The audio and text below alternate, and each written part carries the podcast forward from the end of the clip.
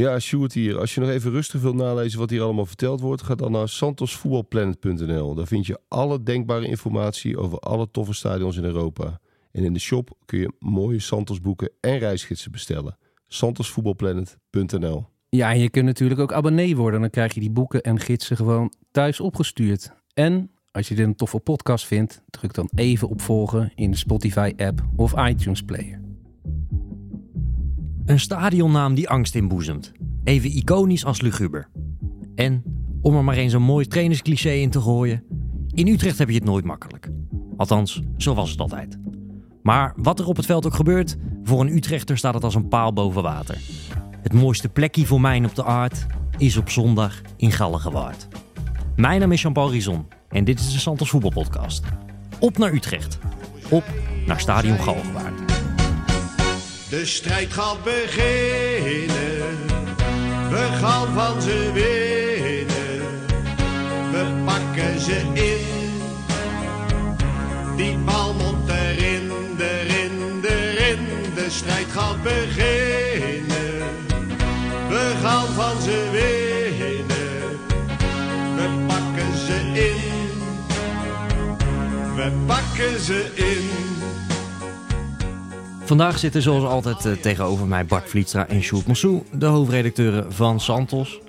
Ja jongens, dit is voor mij toch een beetje een gekke aflevering, want eh, ja, we gaan een stadion doen wat ik als mijn broekzak ken. Eh, de Galgenwaard, uiteraard. Maar misschien wel des te leuker om te horen wat jullie ervan vinden, hoe, hoe jullie dat nou ervaren. Je, gaat naar de Galgenwaard, is dat dan eh, Hosanna-stemming in Huizen, Massou of Vlietstra, of valt dat wel mee? Waar renken jullie de Galgenwaard of een dagje FC Utrecht in die hele eredivisie? Nou, het begint bij mij te kriebelen. En, en als 's ochtends vroeg... Krabbelend aan de deur, word- ja. en dan rijd ik opgewonden rijd ik naar, Utrecht. Ik hoor altijd iemand toeteren inderdaad, maar dat ben jij dus, ja. Ja. Nee, maar natuurlijk, het, het is gewoon een, een, een, een mooie en, en eh, iconische plek in het Nederlands voetbal. En een grote club. Dus ik kom daar altijd met, met, met plezier. Nou, ik moet zeggen, bijna altijd met plezier.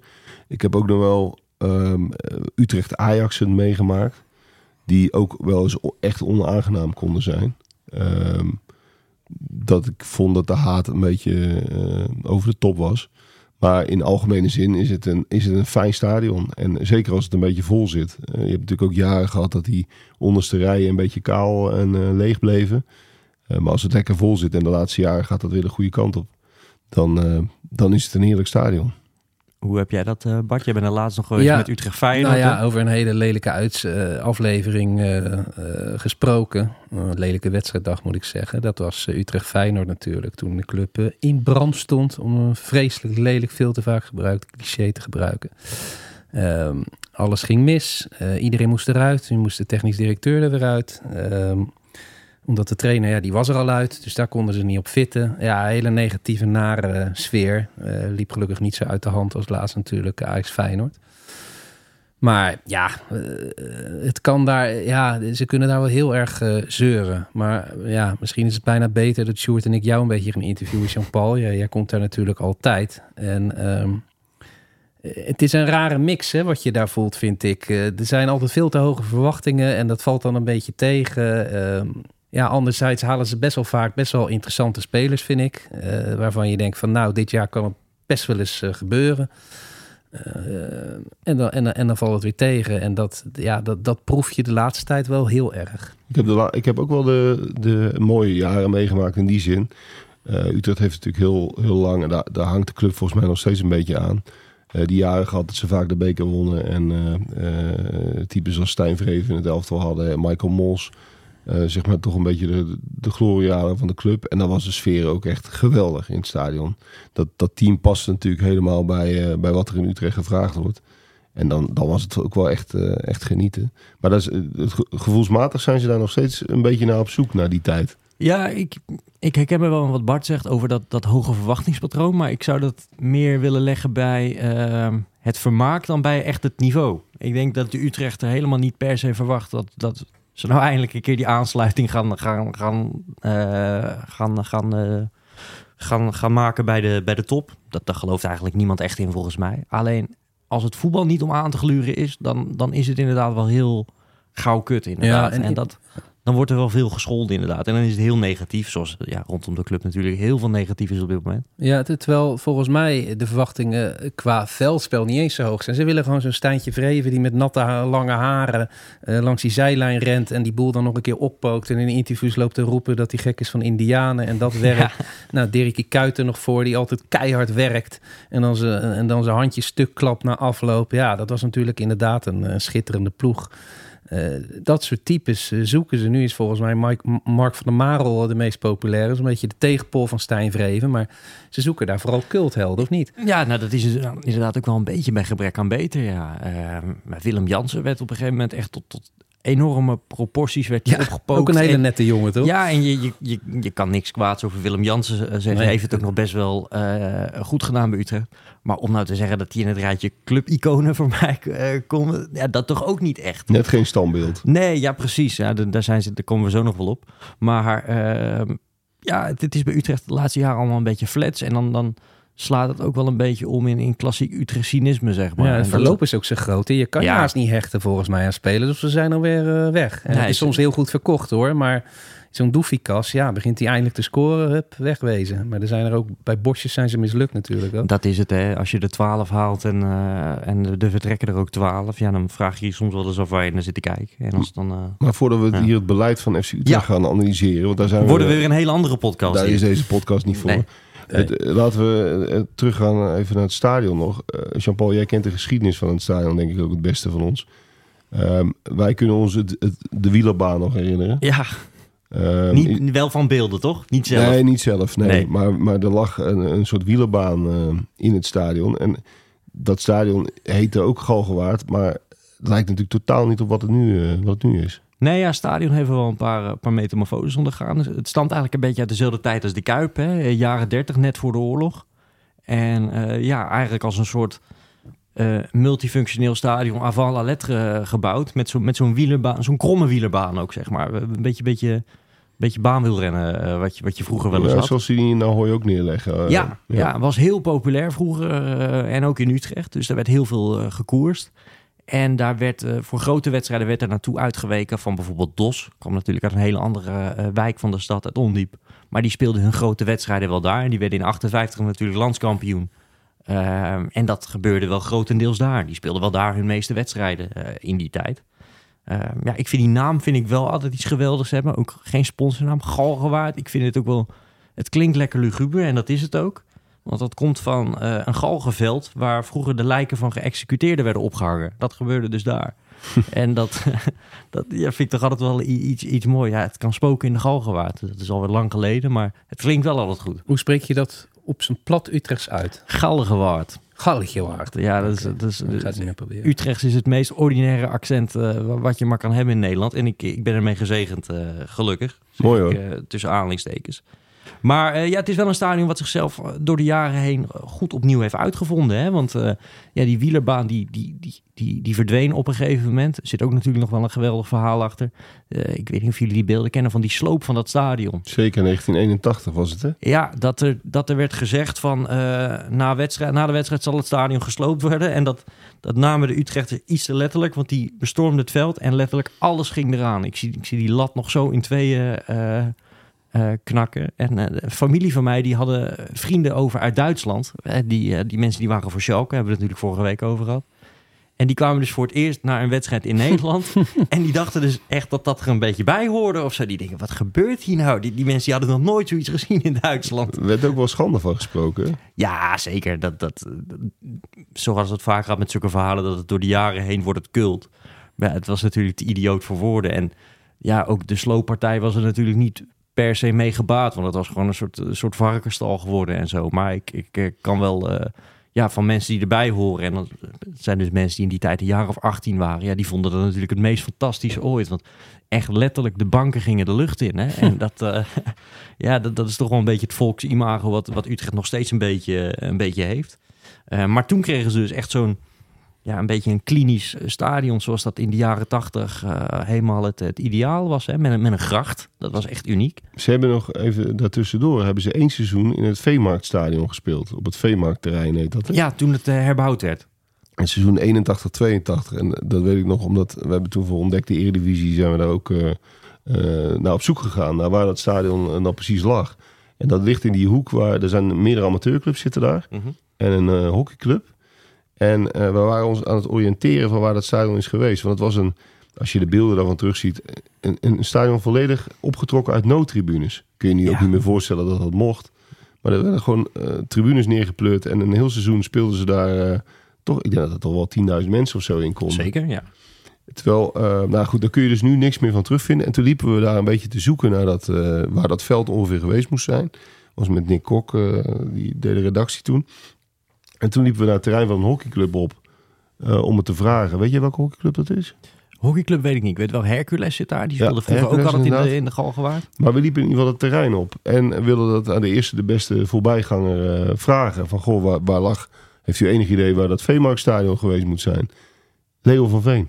Ja, Serieus. We lopen naar een willekeurige man toe. Het blijkt Leo van Veen te zijn. ja En die zegt, en die zegt ja, nee, dat weet ik wel. Ik heb daar namelijk gevoetbald. En die wees eh, precies naar een soort huizenblokje. Daar was het, zei hij. ja, het is Dat mooi. echt Ik, mooi. ik weet toevallig dat hij daar woont. Want mijn oom die woont daar ook. En dat, dat zijn ja, praktisch buren, zeg maar. Dus het is inderdaad wel heel goed dat jij die daar bent tegengekomen. Want dat was ook wel een tijd dat Utrecht het best wel goed deed. Hè? En toen had je ook echt... eh, ja, dat was natuurlijk sowieso veel meer in die tijd. eh, maar echt een Utrechtse ploeg met... Met Frans Adelaar, Jan Wouters, Kruis. Gertje Kruis op het middenveld. Ja. eh, Ton du Chatinier. Dus-.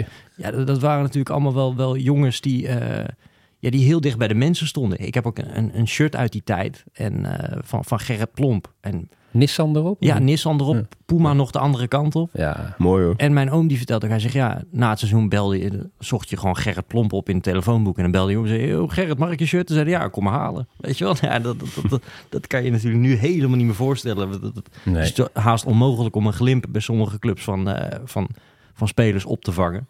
Maar die tijd was dat gewoon heel anders. En eh, ja, kon je daar heel goed mee, mee identificeren eh, als supporter, kan ik me zo voorstellen. Het is ook wel echt een voetbalstad, hè, U- eh, Utrecht. En, en we moeten het vooral over het stadion hebben. Maar als voetbalstad intri- intrigeert mij dat toch wel heel erg. Wat die aan voetballers hebben voortgebracht.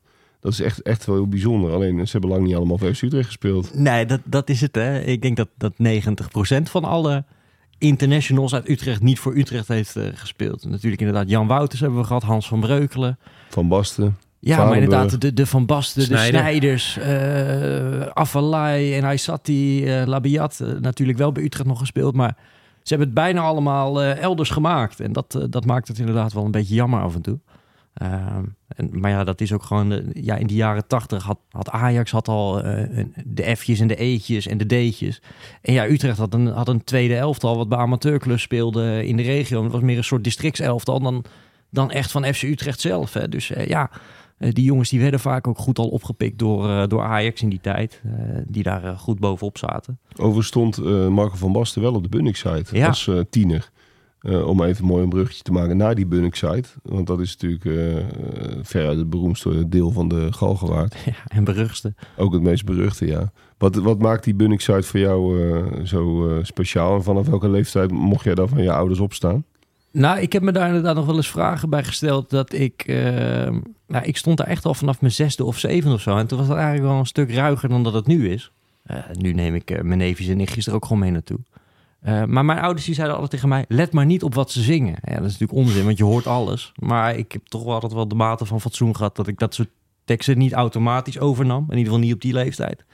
En ehm, ja, het, was een van de eerste een beetje, beetje hooligan firms van... Ik wil nu niet helemaal op de Danny Dyer Tour gaan, maar... De Bunningside was in de jaren 70 en 80 toch wel een beetje berucht en, en, en gevreesd eh, in den landen. En eh, ik heb ook wel begrepen dat de toenmalige burgemeester van Bunnik... die was daar helemaal niet van, van gediend. Nee. Want de Bunnikzijde, zoals het toen nog werd genoemd... eh, die heeft echt geprobeerd of die dat niet bij wet of zo kon laten regelen... dat die tribune niet de Bunnikzijde... kon dat niet de Eastside of de Oostzijde worden of zo. Maar ja, dat was nou eenmaal gewoon ingeburgerd. ja, is de Bunnikzijde. Ook dom gedacht, want eh, zonder de Bunnik-site had niemand het, dorp Bunnik gekend. Nee, het is een dorpje van niks inderdaad. Eh, Zelfs als je uit Utrecht komt, kom je er nooit. Eh, dus dat was inderdaad wel, wel vrij bijzonder. Maar ja, die Bunningside, ja, ik kan me ook wel herinneren. Vroeger had je, heb jij misschien nog wel eens gezeten in het uitvak daar, of niet, Sjoerd? Ja, zeker weten. Ook gek. Dat je gewoon midden op de, de, de, de tribune, een beetje wat je bij Willem II ook hebt, hè? Ja, maar dat, dat ging toen prima. We, eh, misschien, eh, nee, dat speelde trouwens geen rol. Eh, we, hebben daar met NAC een keer met 0-4 gewonnen. Wat echt onvergetelijk was, want dat gebeurt niet zo vaak. Dus, maar dat was inderdaad gewoon aan die kant, ja. Ja, wat, wat ik als kind altijd mooi vond, dan had je buiten het stadion. ehm, nu heb je allemaal van die tunnels en zo. En in principe kom je helemaal niet meer bij elkaar in de buurt. Maar op, op, op zondagmiddag kwam er dan gewoon om 12 uur kwamen er allemaal van die gele containers van de firma Van Vliet. Kwamen dan eh, voorrijden. En dan werd er zo een soort bunker rondom dat uitvak gebouwd. En na de wedstrijd ging iedereen daarop zitten om eh, de uitsupporters eh, een veilige terugreis te wensen. maar, maar wij namen dus vroeger als jongens namen wij altijd een bal mee in de kofferbak van de auto. En dan, ja, dan dronken onze ouders nog een biertje na de wedstrijd of, of, of wat anders. En mijn moeder was er ook vaak bij. En wij namen een bal mee. We gingen buiten lekker een potje voetballen tegen die zeecontainers. Dus aan die oude Galgenwaard. Ja, het was niet het mooiste stadion. Ook heel lelijk bruin beton overal en zo. Ja. Maar het was wel heel sfeervol. En doordat die hoeken toen wat meer dicht waren... eh hing er in die tijd ook best wel een, een, een, een mooie, fanatieke en vijandige sfeer, denk ik, eh, voor, voor uitploegen. En was dat die, die hele mythe van de Galgenwaard... Oeh, ja, trainers zijn er altijd goed in. hè. Ja, je hebt het hier nooit makkelijk en zo. Ja, dat valt tegenwoordig allemaal wel mee, zowel sportief. Maar het is ook gewoon niet meer zo sfeervol als dat het ooit was. Wat je bijvoorbeeld bij NAC en bij Twente nog wel hebt. Ehm, ja, dat is er bij Utrecht in mijn ogen wel een beetje, een beetje af. Komt het door die open hoeken? Want We moeten het even over de open hoeken hebben. Ja, deels wel. Ehm, deels is het ook denk ik gewoon een, een metamorfose die je doormaakt als club. Ehm, op het moment dat het heel slecht gaat met Utrecht, en dat ging het in de jaren negentig wel. Ja, dan zat, zat er 5000 man, maar dat waren wel allemaal diehards. En ja, als je dan de beker wint, dan, dan heb je in één keer een groter stadion. Dan komen er ook meer mensen op af. Nee, die zijn niet allemaal even fanatiek. Dus ik denk dat het ook gewoon een, een gegeven is. Maar eh, ja, het geluid sterft wel makkelijk weg inderdaad. Maar Ja, ik vind, ik vind het een beetje eh, dubbel. Want ik hou op zich wel van open hoeken. Ehm, dat, dat heeft juist iets omdat, omdat je dan iets van de omgeving meekrijgt. Bij Highbury was het natuurlijk het, het allermooiste vroeger. Dan zag je die, eh, die huizen van die buurt eh, zo mooi in die hoek eh, liggen bij, eh, bij corners. Ehm, het helpt natuurlijk niet mee dat, dat, dat de omgeving niet heel mooi is van de Galgenwaard. Als daar nou een paar eh, eh, arbeiderswoningen omheen hadden gestaan, was het al heel anders geweest. Er staan natuurlijk vooral kantoren in die hoeken. Ja, de, de, de, de omgeving van de Galgenwaard is eigenlijk een beetje doods. Je hebt eh, heel veel sportverenigingen Ja. aan de ene kant. En aan de andere kant heb je wel een leuke wijk, dat is Oudwijk. Maar er ligt dan weer net een snelweg tussen. En die snijdt, dat is toch ook een soort denkbeeldige grens eh, waar de stad een beetje stopt. En dan Ja. ligt eh, de Galgenwaard dan net een, beetje, net een beetje buiten. Dat maakt het ook wel jammer inderdaad. Maar ja, die open hoeken. Ik vind het architectonisch wel een heel mooi stadion geworden. Ja. Maar qua sfeer, ja, ik vind het leuk dat ik er vandaan kom. En ik ken echt elke... Ik, ik ken het beter dan mijn achtertuin. Haast letterlijk. Ehm, maar qua sfeer is het gewoon niet meer wat het geweest is. En ik dat vind je ik wel heel kritisch, eh, Jean-Paul. Ik, ik had ge- gehoopt dat je hier zou, jij zou hier uitgebreid de liefde be- beleiden, dacht ik. En wij gaan het dan een beetje nuanceren, maar is een beetje Dan begon jij ook zo kritisch eigenlijk. Ja, het is voor mij het mooiste, het mo ja, Herman Bekies het mooiste plekje voor mij op de aard. Maar eh, het, het, ik, ik ben, het was vroeger, was, dat vind jij mooi hè? Ja, dat lied. Ja, dat, lied ja. dat lied vind ik Die echt gooien we mooi. Daar gaan we ook echt mee afsluiten trouwens. Maar eh, Het lied, het is zo geweldig. Ik, ik word er zo vrolijk van. Het is zo... Het is zo'n heerlijke hoenpapa. ja, ja, en die hoor je nog heel weinig, dus dat neemt mij al heel erg in. En ik vind het best een mooi stadion, moet ik eerlijk zeggen. Vind die voorwand met dat glas en alles, eh, dat vind ik echt, dat is echt wel tof opgeknapt de laatste jaren. Vanaf de lucht ziet het er heel goed uit, vind ik. Echt eh, imposant, een beetje, eh, nou, heel erg in de verte zie je een beetje Old Trafford-achtig.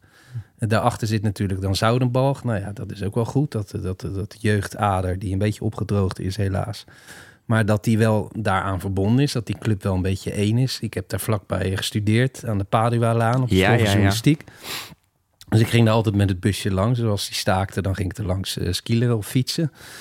Ja, daardoor eh, heb ik er ook wel wat mee. Ik vind het loopje, je kan toch vanuit de stad wel een beetje er naartoe lopen natuurlijk. Als je, als je, als je een goede conditie hebt. Eh, dat, is een, dat is best een hele leuke wandeling. Ehm, ja, je, je hebt overal goed zicht op. Ehm, eh, er zit een, een flinke uitvak ook. Ehm, wat ook wel ja, een, beetje, een, beetje, een beetje dichtgebouwd is hè, de laatste jaren wel. Maar goed, daardoor krijg je wel... Het is een goed groot uitvak, vind ik. I- Iemand vroeg mij laatst na Utrecht Feyenoord, eh, mag ik jou een vraag stellen? Ik zei, ja, hebben jullie het smalste uitvak van, eh, van Nederland? Ik zei, nou, Ja? daar stel je me een vraag. Ik heb geen idee. Nee, maar volgens mij niet hoor. dat was dus iemand opgevallen dat het heel lang en heel hoog eh ja, dat komt natuurlijk omdat die tribune zelf ook, ook heel hoog is. Ja, En ze zullen dat uitvak ook weer niet te groot willen maken. Want als, eh, noem maar wat, eh, RKC langskomt, dan, eh, dan schiet dat ook niet op. Maar ja, zo ziet het er een beetje uit. Maar dat komt ook door de vorm van de tribunes. Het zijn natuurlijk vrij hoge tribunes. On, ononderbroken eigenlijk. Hè. Ze lopen eigenlijk in één rechte lijn omhoog. Er zit geen knik in. En, en daarom eh, dat, dat, daar maakt de, de Galgenwaard wel heel herkenbaar. De open hoeken en dat, dat steile recht omhoog. Dat, dat zie je niet veel in stadions. Ja, het, het is ook best indrukwekkend. ehm, want ik was eh, vorige week bij het vrouwenvoetbal en toen kwam ik weer eens in het hoofdgebouw. En dan heb je op de derde verdieping heb je een soort eh, ja, glazen wand en een soort panoramisch uitzicht over, over het hele stadion. En vooral die Zuidtribune. Ja, die vind ik wel fantastisch gelukt met best wel een mooie dakconstructie. En zeker als die vol zit, is dat best indrukwekkend. Ik, ik vind het ook altijd vanaf de perstribune vind ik het een nog mooier stadion vanaf, Ja. dan vanaf mijn plekje op de Bunningside. Dan heb je echt wel een heel mooi ja, zicht op dat hele, op dat hele gebeuren. En eh, ja, ik- kijk, die sfeer, dat vind ik gewoon wat minder geworden. Maar voor, mij is het wel altijd heel gezellig. En ik kan er op het fietsje heen, dus eh, veel mooier bestaat voor mij niet. Maar ik kan me wel voorstellen dat als iemand van buitenaf er komt, dan word je niet meer weggeblazen zoals vroeger door de sfeer, zeg maar. Nee. Hey, je hebt die, die, in een van die hoeken heb je toch zo'n zo'n appartementengebouw. en daar woonde Erik ten Hag toch ook in? Ja, ja die liep dan eh, gewoon eh, na de wedstrijd, eh, stak hij het parkeerterrein over en eh, wo- woonde die daar. Schitterend vind Ja, ik dat. die Maar ook, je ziet, dat past ook helemaal bij Erik ten Hag. Ja. tuurlijk. Dat Ja, hij gewoon, gewoon lekker dicht. Ja, maar let op precies zien hoe het gras gemaaid werd en zo. Kon je Maar alles in de gaten Zonder houden. gekheid, het was vanaf zijn flat 100 meter naar de hoofdingang en 200 meter naar het trainingscomplex. En dat Ja. past inderdaad meer bij Ten Hag dan een, een fancy penthouse midden in de binnenstad van Utrecht en is lekker Ja, die hele stad onveilig gaan maken. Lekker aan het ledige erf zitten of zo. Ja, Ja, nee, Jeetje, dat- Mina dat- man, dan ga je daar zitten. Ja, dan ben je het- wel echt het- een oppernerd. Het zijn schitterende appartementen, maar inderdaad, ja, je wil er niet doodgevonden worden. Er zitten Al ook heb- af en toe spelers in. Hè? Cyril Dessers wonen er volgens mij ook. Nou, ik heb me ook laten vertellen dat Wesley Snijder er woont. Eh, in, een van die, eh, in een van die appartementen. En dat vind ik dan weer helemaal niet des Snijders. Maar goed, het, het zijn wel schitterende eh, appartementen. En je hebt van bovenin heb je een geweldig uitzicht over, over dat stadion. En dat vind ik toch ook altijd wel mooi als je enigszins kan glippen of kijken. Je kan dus inderdaad ja, één deel van het veld kan je prima zien vanuit, vanuit die appartementen. Dat is wel gaaf. Ja, maar wij, wij zitten als pers altijd in een verkeersschool. Vind ik ook wat zo mooi. Ja, van Bruinsma, ja. Ja. van Bruinsma. En dan eh, daar, daar, zit, daar zit ook echt zo'n eh, examenkamertje. En daar wordt ook de Dat is de persconferenties. perszaal, hè? Ja. Dus daar heb je ook van die kastjes om, eh, om A, B, C of D. als, je rechtsaf, als je hier rechtsaf wil, mag dat. Om dat in te drukken. En daar gaat dan zo'n trainer zitten. Dat is wel vrij matig hoor, moet ik eerlijk Ja, zeggen. maar dat, dat en is de ook... koffie. Mag ik nog één Ja, ja. tip geven? Ik kan alsjeblieft normale koffie schenken. ja. Is dat slecht? Heel slecht de laatste Ja? keer. Ja. Nou, Meestal we- krijg je een heel mooi lunchpakketje. We zijn Ja. natuurlijk vreselijk verwend, ik weet het. Maar de koffie was echt dit, vreselijk. dit moet Frans van Seumeren, eh, die zit ongetwijfeld te luisteren. Ja. ja. Die moet hier iets aan gaan doen. Over Frans van Seumeren gesproken. Standbeeld bij de ingang. Ja, ik- kom, kom zo. Ik wil nog even Oh. terug naar wat ik heel erg Utrecht vind inderdaad. Ook dat die Galgenwaard die is herbouwd in de begin jaren 2000. En er zijn dus heel veel dingen gemaakt, heel modern, maar die worden dan niet meer gebruikt. Want er is op de, de, de derde verdieping is op zich wel een aardige perszaal. Kan je een prima perszaal van maken. Maar dat is op een Ja. gegeven moment dan besloten van ja, we kunnen hier ook een businessruimte van maken. En dan pleuren we de pers wel in die verkeersschool Nou, waarschijnlijk is er toen net een negatief artikel verschenen over Frans. En die zei toen van, pleur maar op met die pers. Gaan we wel lekker in die verkeersschool zitten. Ja, ja, ja, ja. Fra- Frans van Zeumeren. To- Toevallig kwam een vriend van mij laatst op het idee om het gewoon eh, naar Frans voorbeeld het Staat de France te noemen. Dat, dat, dat vond ik echt een geweldige oplossing inderdaad. Want ja, eh, we schijnen nog te bestaan bij gratie van Frans van Zeumeren. En daar mogen we God op onze blote knieën eh, voor danken. Nou, het is toch ook de bedoeling dat de club het stadion weer helemaal in bezit heeft. Ja. En dat, dat is, daar is Frans ook de grote regisseur van, samen met een paar zakenvrienden. En dan is het inderdaad een hele, hele goede om het stadion de Frans te noemen. Ja, want jij zei het al, hè? Je, je- als, je, als je binnenkomt bij die hoofdingang, je kan er niet omheen. Eh, mijn nichtje vroeg het vorige week ook, wie is dat? Ik zeg, ja, dat is Frans van Zeumeren. Ja. ja, we hebben het er bij Twente ook, ook over gehad. En ehm, het- toen waren ook een paar Twente supporters. We waren, hadden werkelijk een lyrische podcast over de golfsvesten. Toen we een beetje kritisch waren over die standbeelden, dan, eh, dan, dan zijn mensen toch weer een beetje beledigd. Ja, Maar ik, ik vind standbeelden van levende mensen altijd zo gek. ja. En dat, dat voelt zo raar. En Ja, als hij er zelf ook langs loopt. Dat Ja. lijkt me zo Elke raar. week, ja. Maar Ar- Arsenal, kan dat wel je goedkeuring eh, dragen? Ja, het, het gaat ook niet zozeer om goedkeuring. Ik, ik, ik, ik ga daar ook helemaal niet over. Maar Nee, maar of je er enthousiast van wordt, zeg maar. Ehm, ja, misschien omdat ze daar echt zo'n beeldengalerij hebben met, met, met, met spelers. Hè. De, de beeldentuin van, van de KVB vind ik dan ook weer net anders, omdat dat zie je gewoon. Daar, daar worden voetballers geëerd in, in actie. Nou ja, oké, maar, maar, maar bij, bij de Galgenwaard loop je langs, ja, voor je gevoel langs een, een, eh, een man uit de, uit de 18e eeuw. Een, een, een, een soort pianist uit eh, Ja. Utrecht. Eh, Ja, dat je inclusief snor. inclusief snor. Ja. En ja, dat, dat voelt gek. Het, het lijkt een beeld van een overledene, maar Frans is gelukkig nog springlevend. Ja, nou, wa- waar ik misschien wel het meeste moeite mee heb is... Kijk, wat Frans van Zeumeren voor Utrecht heeft eh, betekend... is, is eh, waarschijnlijk veel groter dan welke voetballer dan ook. Maar er is natuurlijk geen enkele jongen die s s'avonds ingestopt wordt onder zijn Utrecht dekbed... en denkt, Frans van Zeumeren. Snap Nee, is je? dat niet zo? Nee, maar Ja. het is natuurlijk toch gewoon een, een zakenman. En, en niet iemand, eh, de heldenverering zoals je bij een voetballer... of desnoods een trainer hebt. wa- Wat ook alweer minder interessant is, vind ik. Leo van Veen had, had meer recht gehad op een, eh, op een gevoelsmatig... bij een voetbalclub, althans op een standbeeld. Ja, Maar Frans is wel, en in tegenstelling tot heel veel investeerders natuurlijk, of is wel echt een enorme fan. Ik bedoel, soms heb ik het idee, dan, dan hoor ik Frans boven, boven alles uit nog zelfs. Boven de Bunningside uit. Op de, vanaf het eerder zit hij weer te voeteren. Of loopt hij bovenste kleedkamer in, of is hij aan het juichen. Het is wel echt een, echt een fan, een Zeker. supporter. Nee, en, en, en het, is, het is ook een hele joviale kerel. Ik denk dat jullie hem misschien ook wel eens geïnterviewd hebben. Ehm, ik, ik werkte als jochie van 18 in de fanshop in Utrecht, eh, als bijbaantje. En dan liep je langs, eh, langs zijn kantoor en die deur die stond altijd open. En dan eh, riep je voorbij en dan hoorde je heel hard, jochie! En dan moest je binnenkomen. Ja. En dan gaf hij een hand en dan was je hem tot je elleboog kwijt, in mijn geval. Maar eh, eh, nou, dan wilde hij even weten hoe de zaken ervoor stonden. En ja, dan werd je een gesprekje. Maar ja, als jochie, als je jong bent, dan vind je, vind je dat toch best wel de grote baas. Die roept je. eh, Ja, maar het is, ook, mooi? het Ja. is ook een mooie kerel natuurlijk. Dus Zeker, die en zijn betrokkenheid is, is, Ja, is, is enorm. Ehm, maar zoals jij laatst in het AD volgens mij schreef, eh, is ook soms wel een beetje, ik wil niet zeggen gevaarlijk, maar ja, als hij te veel op plekken van andere mensen gaat zitten, dan, dan kan dat ook wel eens de club eerder belemmeren dan dat het, eh, dan dat het goed voor de club is. Het is niet altijd heel goed zo, die, die emotionele Dat betrokkenheid. denk ik ook niet. Maar het is, het is wel een, een clubeigenaar zoals je die in de jaren 90 en 80 en 70 ook, ook voorstelde. Ja. Hij zit nog net niet in een bontjas op Nee, de Een soort eh, Ereterras. D- D-stoop van nu, hè? Ja, eigenlijk Ja. wel. Ja. En dat vind ik ook mooi bij dat eh, standbeeld. Of of ook mooi, dat vind ik dan wel mooi. Dat no guts, no glory eronder. Ja. Dat is een beetje die uitspraak van hem eh, toen die Koersk eh,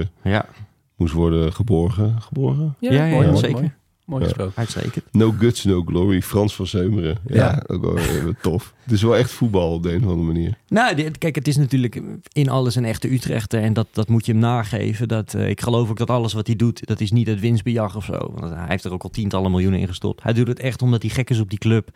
En omdat hij het beste met die club voor heeft. En dat, dat is toch altijd een stuk sympathieker dan de, ja, de gemiddelde Amerikaan of Arabier die hier... Die eh, in Vitesse stapt. ja, ja, Ja, of, of, meneer Wang in Den Haag. Dat is natuurlijk ook geen grote verschrikking. Oh nee, maar ik denk echt dat heel veel clubs in Nederland... Kijk, NEC heeft het nu met Marcel Boekhoorn natuurlijk ook. Ja, Maar heel veel supporters van, zeg maar, gemiddelde Nederlandse clubs... die zijn daar gewoon jaloers op. Je wil eigenlijk Tuurlijk. gewoon een supporter die, eh, die de club helpt. En dat maakt hem ook zo populair bij de fans. Hè? Want hij, hij zegt ook een beetje wat de fans denken. En dat, dat is wel eens uit de heup. En dat, daar zet ik dan nog wel eens mijn vraagtekens bij. Maar tegelijk, ja, eh, het, is, het merendeel van de mensen vindt dat, eh, vindt dat fantastisch. Is die weer boos op de KNVB? echt als ja. een supporter. Ja, en dat, dat, dan, dan, dan slaat hij ook een beetje de taal uit van een supporter. En dat vind ik als boegbeeld van de club vind ik dat niet altijd even wenselijk. Maar, Hij is in eh, staat om een spandoek met KNVB Mafia op te hangen. ja, maar ja, ja, zeker in die tijd dat ons die bekerfinale werd, werd afgepakt. En dan, da- dan heeft hij wel een punt. Maar dat komt dan toch niet altijd helemaal lekker over, vind ik dan. Dan denk ik, oh, nou Frans, even iets, ietsje minder mag wel. Maar eh, ja, heel simpel. Zonder Frans van Zeumer had Utrecht waarschijnlijk niet meer bestaan. Eh, en, of tenminste had in ieder geval de gemeente voor de 88ste keer bij moeten springen. Dus eh, laten we vooral heel veel was- dankbaarheid... Of het was een soort Vitesse geworden. Dat had ook gekund natuurlijk. ja, overigens heeft Frans wel serieus, want dan gaan we weer even terug naar het stadion. Heeft wel serieus onderzocht, dan praat je over de jaren 2008, 2009, om een nieuw stadion te laten bouwen. Hè. Toen kreeg je die Leidse Rijntunnel eh, aan de westkant van Utrecht. En daar moest dan ook een groot stadion bij eh, komen. Eh, aan de ene kant, ja, had, had ik het jammer gevonden. Aan de andere kant, ik ben verknocht aan het dagje FC Utrecht. Maar ik weet niet of het ergens anders niet te reproduceren is, zeg maar. Het Nee. is voor mij niet... ik sta niet met eh Red de Galgenwaard spandoeken zoals ze in de Kuip hebben, zeg maar. Dat, dat, ik ben verknocht Nee, aan FC. Utrecht. Maar dat stadion is toch meer... Ja, je hebt iets met die plek omdat je er al 30 jaar komt. Maar die, die hele plek betekent voor mij niet, niet zo heel veel, moet ik Nee, zeggen. of minder, laat ik het zo daarover zeggen. sprekend, wa- waar, waar ga je naartoe in de omgeving van het stadion voordat je naar de wedstrijd gaat? Ja, jij zei het net al, eh, Bart. Het Ledengerf is fantastisch op een mooie zomerdag. Eh, dan kan je daar voor en na de wedstrijd heerlijk terrassen. Eh, en wat natuurlijk toch ook wel bijzonder is, is dat supportershome eh, onder de Bunningside. Wat eh, in één zaal staat opgetrokken als een soort ja, Engelse pub. Eh, en dat, dat, dat is toch ook wel heel bijzonder. En ja, daar, eh, daar doe ik doorgaans ook wel het licht uit, moet ik zeggen. Ja. Dat, dat, dat maakt het wel... Het is wel een lekker dagje eh, FC Utrecht, zeg maar. Om, om met je vrienden, met je familie. Mijn vader gaat nog altijd mee. Dus dat maakt het ook wel heel leuk. Ja. Eh, Het ledige erf naar, naar het stadion, hoe lang eh, fiets je erop? eh, vijf minuutjes fietsen, kwartiertje, twintig minuutjes Ja, lopen. nou, het valt allemaal wel mee, joh. Eh, En Stairway to Heaven hè, is natuurlijk eh, Ja. de oude favoriet. Ja, is inmiddels overgenomen. Is Oh, niet echt? meer van, eh, Van Henk? Westbroek. Die, die trouwens op een steenworp afstand van de Galgenwaard woont. En die zag je vroeger ook nog wel eens. Tegenwoordig niet, niet echt meer. Eh, wat op, op een andere manier natuurlijk nog wel een icoon is natuurlijk. Ja. Maar eh, ja, Laten we niet nagaan doen zoals iedereen doet. Hè. nee, nee, nee, Nee. nee. Maar er gaat ook niks boven een echte, echte Henk Westbroek. Het hoeft nog niet meteen, we kunnen nog wel even wachten. We gaan er met z'n allen voor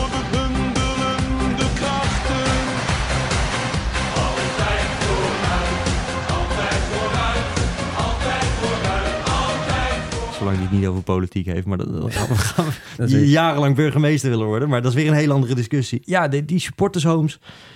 Ik moet toch ook een beetje zeggen, waar ik altijd een beetje moeite heb. We hebben natuurlijk bij Utrecht de, de tragiek rondom David Di Tommaso meegemaakt. Ja. En eh, nou, verschrikkelijk. Ik heb dat allemaal redelijk van dichtbij, of niet heel bewust meegemaakt. Dat is natuurlijk gewoon verschrikkelijk. Een jongen van 25 die op een dag niet meer wakker wordt. En dat, dat doet iets verschrikkelijks. Ja, dat doet iets met in de eerste plaats zijn jongens en familie, maar ook met de club.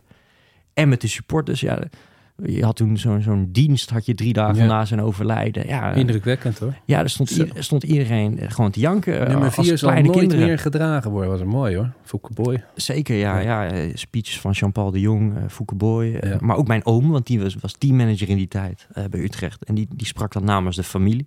Dat was Ja, voor mij nog weer, wel Ja. weer, weer bijzonder. Wesley Sneijder die bloemen, bloemen kwam brengen in een tijd dat hij eh, eh, werd weggehoond bij wedstrijden tegen Ja, Ajax. letterlijk twee dagen na Utrecht-Ajax, waarbij het praktisch 90 minuten snijden, snijden, je moeder is een hoer eh, was. En hij, Ja. hij kwam daar wel en dat vond ik wel heel mooi, want in die tijd kon, kon men zijn bloed wel drinken als echte Utrechter bij, ja, toch als, als toch de vedette bij Ajax. op Maar waar heb je moeite mee? Dat er bij Utrecht eh, twee supportershomes naar David Di Tommaso zijn vernoemd. Dat er een, een beeld boven de ingang van de Bunningside hangt. En daar doe je de echte clubhelden tekort mee, Hm. vind ik. Kijk, het is natuurlijk hartstikke tragisch, Di Tommaso. En hij mag nooit vergeten worden. Eh, maar als je het nou hebt over wat je voor de club hebt betekend... dan denk ik toch meer aan een Michael Mols... of die mannen waar we het net over hadden. Gert Kruis, die nog steeds ambassadeur bij de club is. Ja, en op het moment dat je, dat je verschillende dingen naar die Tommaso gaat vernoemen, dan leg je het er ook nog eens heel dik bovenop gevoelsmatig.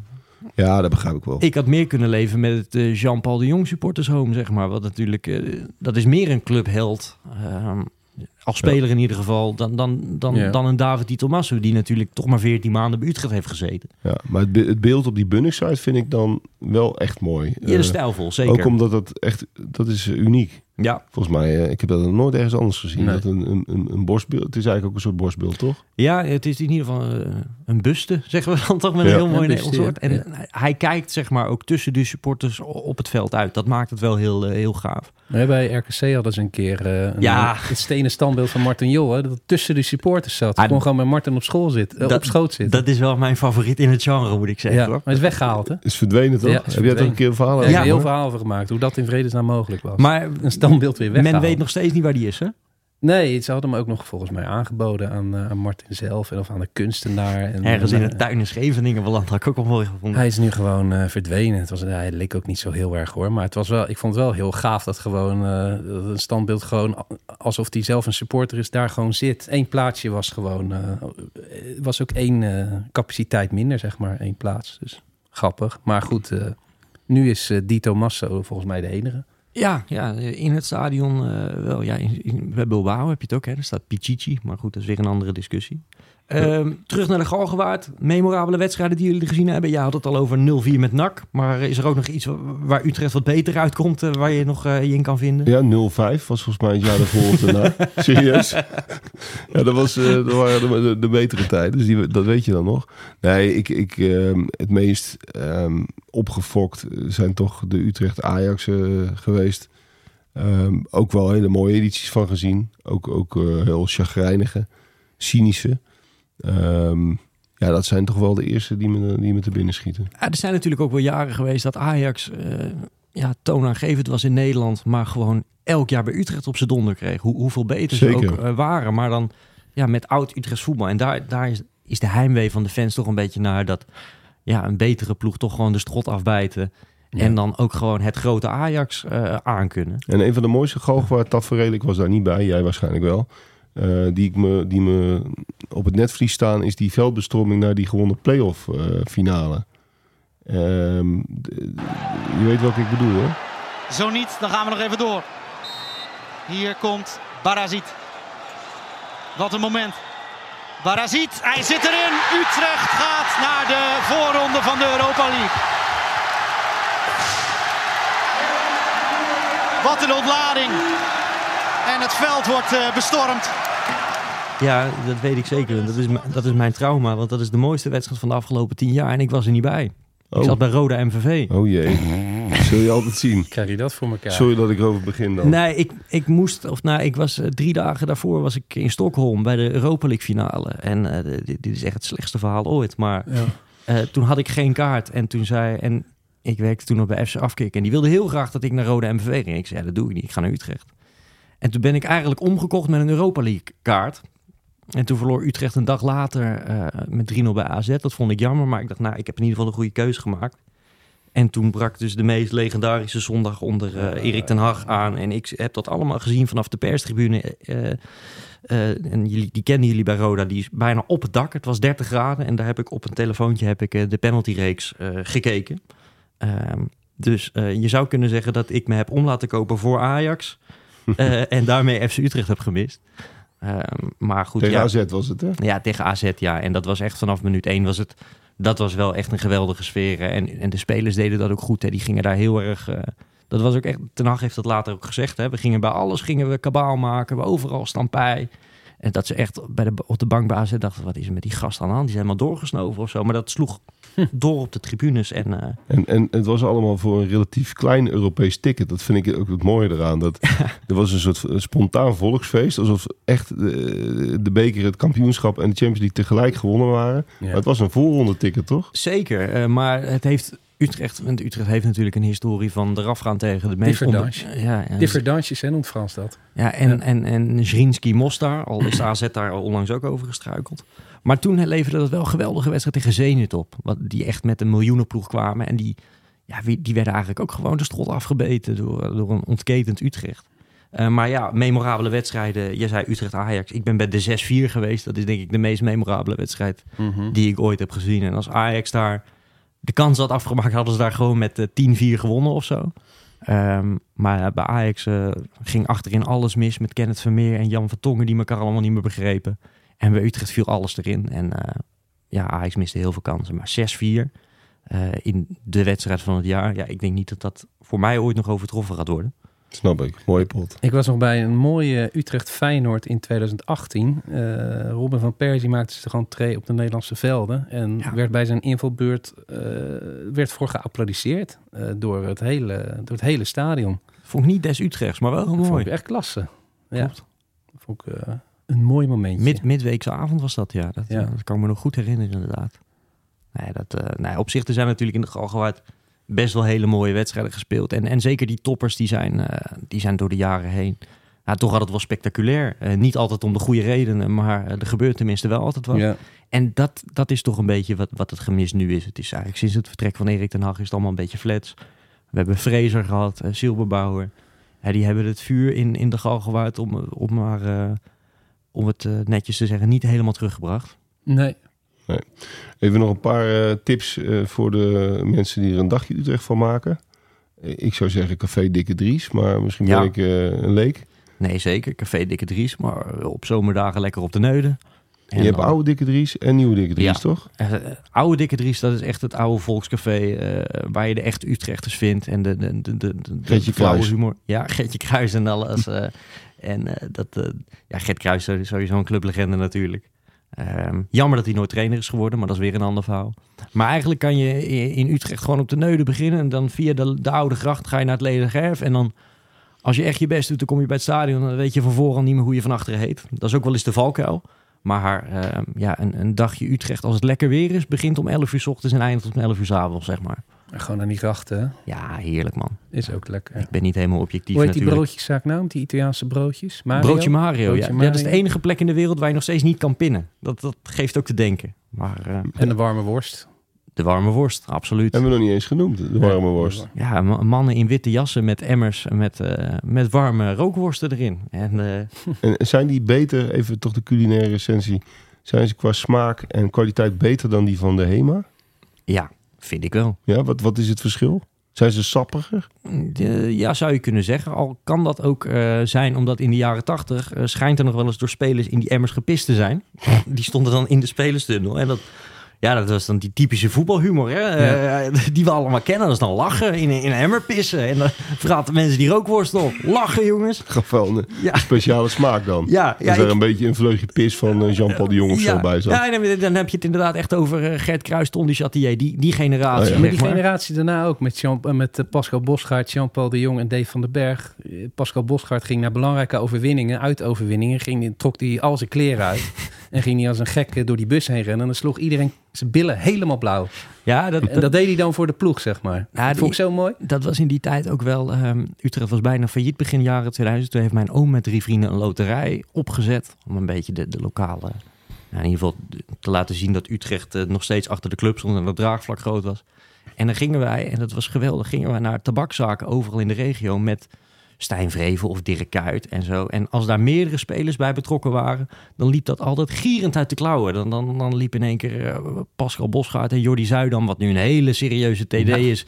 Maar die liepen dan koprollend door een praxis in Nieuwegein. Weet je, en totaal gek te doen. En ik als jochie van, van tien, ik vond het natuurlijk allemaal geweldig. Met die spelers op pad gaan en eh, Ja. ja, de mooiste avonturen beleven. Maar dat, dat was eigenlijk mijn eerste kennismaking met eh, dat voetballers buiten het veld eigenlijk enorm grote kinderen zijn. en ja, inmiddels weet ik, eh, ja, dat, dat, dat, dat cliché is maar vaak bevestigd. Maar nee, ja, ik denk dat, om- om, even af te ronden, ik denk dat Utrecht toch wel een, een het is geen topclub, maar wel een club die de, die de, de eredivisie door de jaren heen altijd kleur heeft gegeven. En dat als je als buitenstaander naar Nederland komt, dan een dagje FC Utrecht. Ik heb ook wel eens buitenlanders over de vloer. Eh, en die, die gaan dan toch altijd wel, die zijn dan, eh, ja, die hebben dan niet mijn cynisme en die kijken er onbevangen naar. En die vinden dat dan toch allemaal wel geweldig. Ze vinden het een prachtig stadion, die vinden de sfeer wel aardig, die vinden dat supportershome tof. Eh, dat hoofdgebouw is wel aardig. En dan, eh, ja, misschien moet ik me daar ook wat meer door laten leiden. Dat het voor een buitenstaander eh, eigenlijk toch wel heel leuk is. De Zeker. Het, het blijft het merkwaardig vinden dat- dat jij de meest kritische bent over Stadion Galgenwaard in deze podcast. Maar dat pleit ook voor je, want dat betekent dat je hart voor de zaak hebt. Ja, dat, de- dat denk ik wel. En, Als eh, zodra we het over het Radverlegstadion ga- gaan hebben, ga ik dat heel anders aanpakken, maar toch. nou ja, ja daar, daar kan je heel veel zeggen, maar ook niet dat het mooi is, zeg maar. Dus, nee, eh, maar daar komen we later op terug. komen we een andere keer op. Ehm, laten we afsluiten. Dit was de Santos Voetbalpodcast voor deze week. Ehm, als je je nog niet geabonneerd hebt op ons kanaal in de Spotify-app of in de iTunes-player, doe dat dan vooral. En dan staan er nog heel veel mooie afleveringen voor je klaar. En dan zijn wij de volgende week gewoon weer. En als je het allemaal nog een keer na wil lezen, ga dan naar www.santosvoetbalplanet.nl. Tot volgende week. Herman Berkien gooien we erin. Utrecht, uw stadje, daar gebeurt van allerhand. Het bruis aan alle kant, in het hartje van het land. De Sterrenwijk, het Houtplein en het lange Roosendaal. Utrecht, het mooist van allemaal.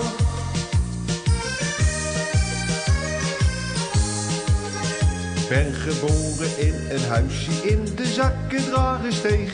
Vlakbij het logement van Jan de Tenteneus. Al de preu en gekke Bart de Bult en Koos de Gleufjeskin. Schele okkeloen en blauwe teus. Kon al mijn leven lang in Utrecht en ik heb het naar mijn zin. Want er is bij ons van alles aan de hand. Je kunt gaan dansen of naar kroegjes en je stapt het leven in met mooie mokkels en een flipper aan de wand. Als ik boven op de dom sta, kijk ik even naar beneden. Dan zie ik het oude grachtje, het Vreeburg en Wijkzee. Ja, daar springt mijn hartje open. Ik ben trots, want daar wat. Er is geen mooie plekje als Utrecht mijn stad. Als Utrecht mijn stad. Utrecht, mijn stadje door buurt van alle rand. Het bruis aan alle kant, in het hartje van het land. De Sterrenwijk, het Houtplein en het lange Roosendaal. Utrecht, het mooist van allemaal. Utrecht, het mooist van allemaal.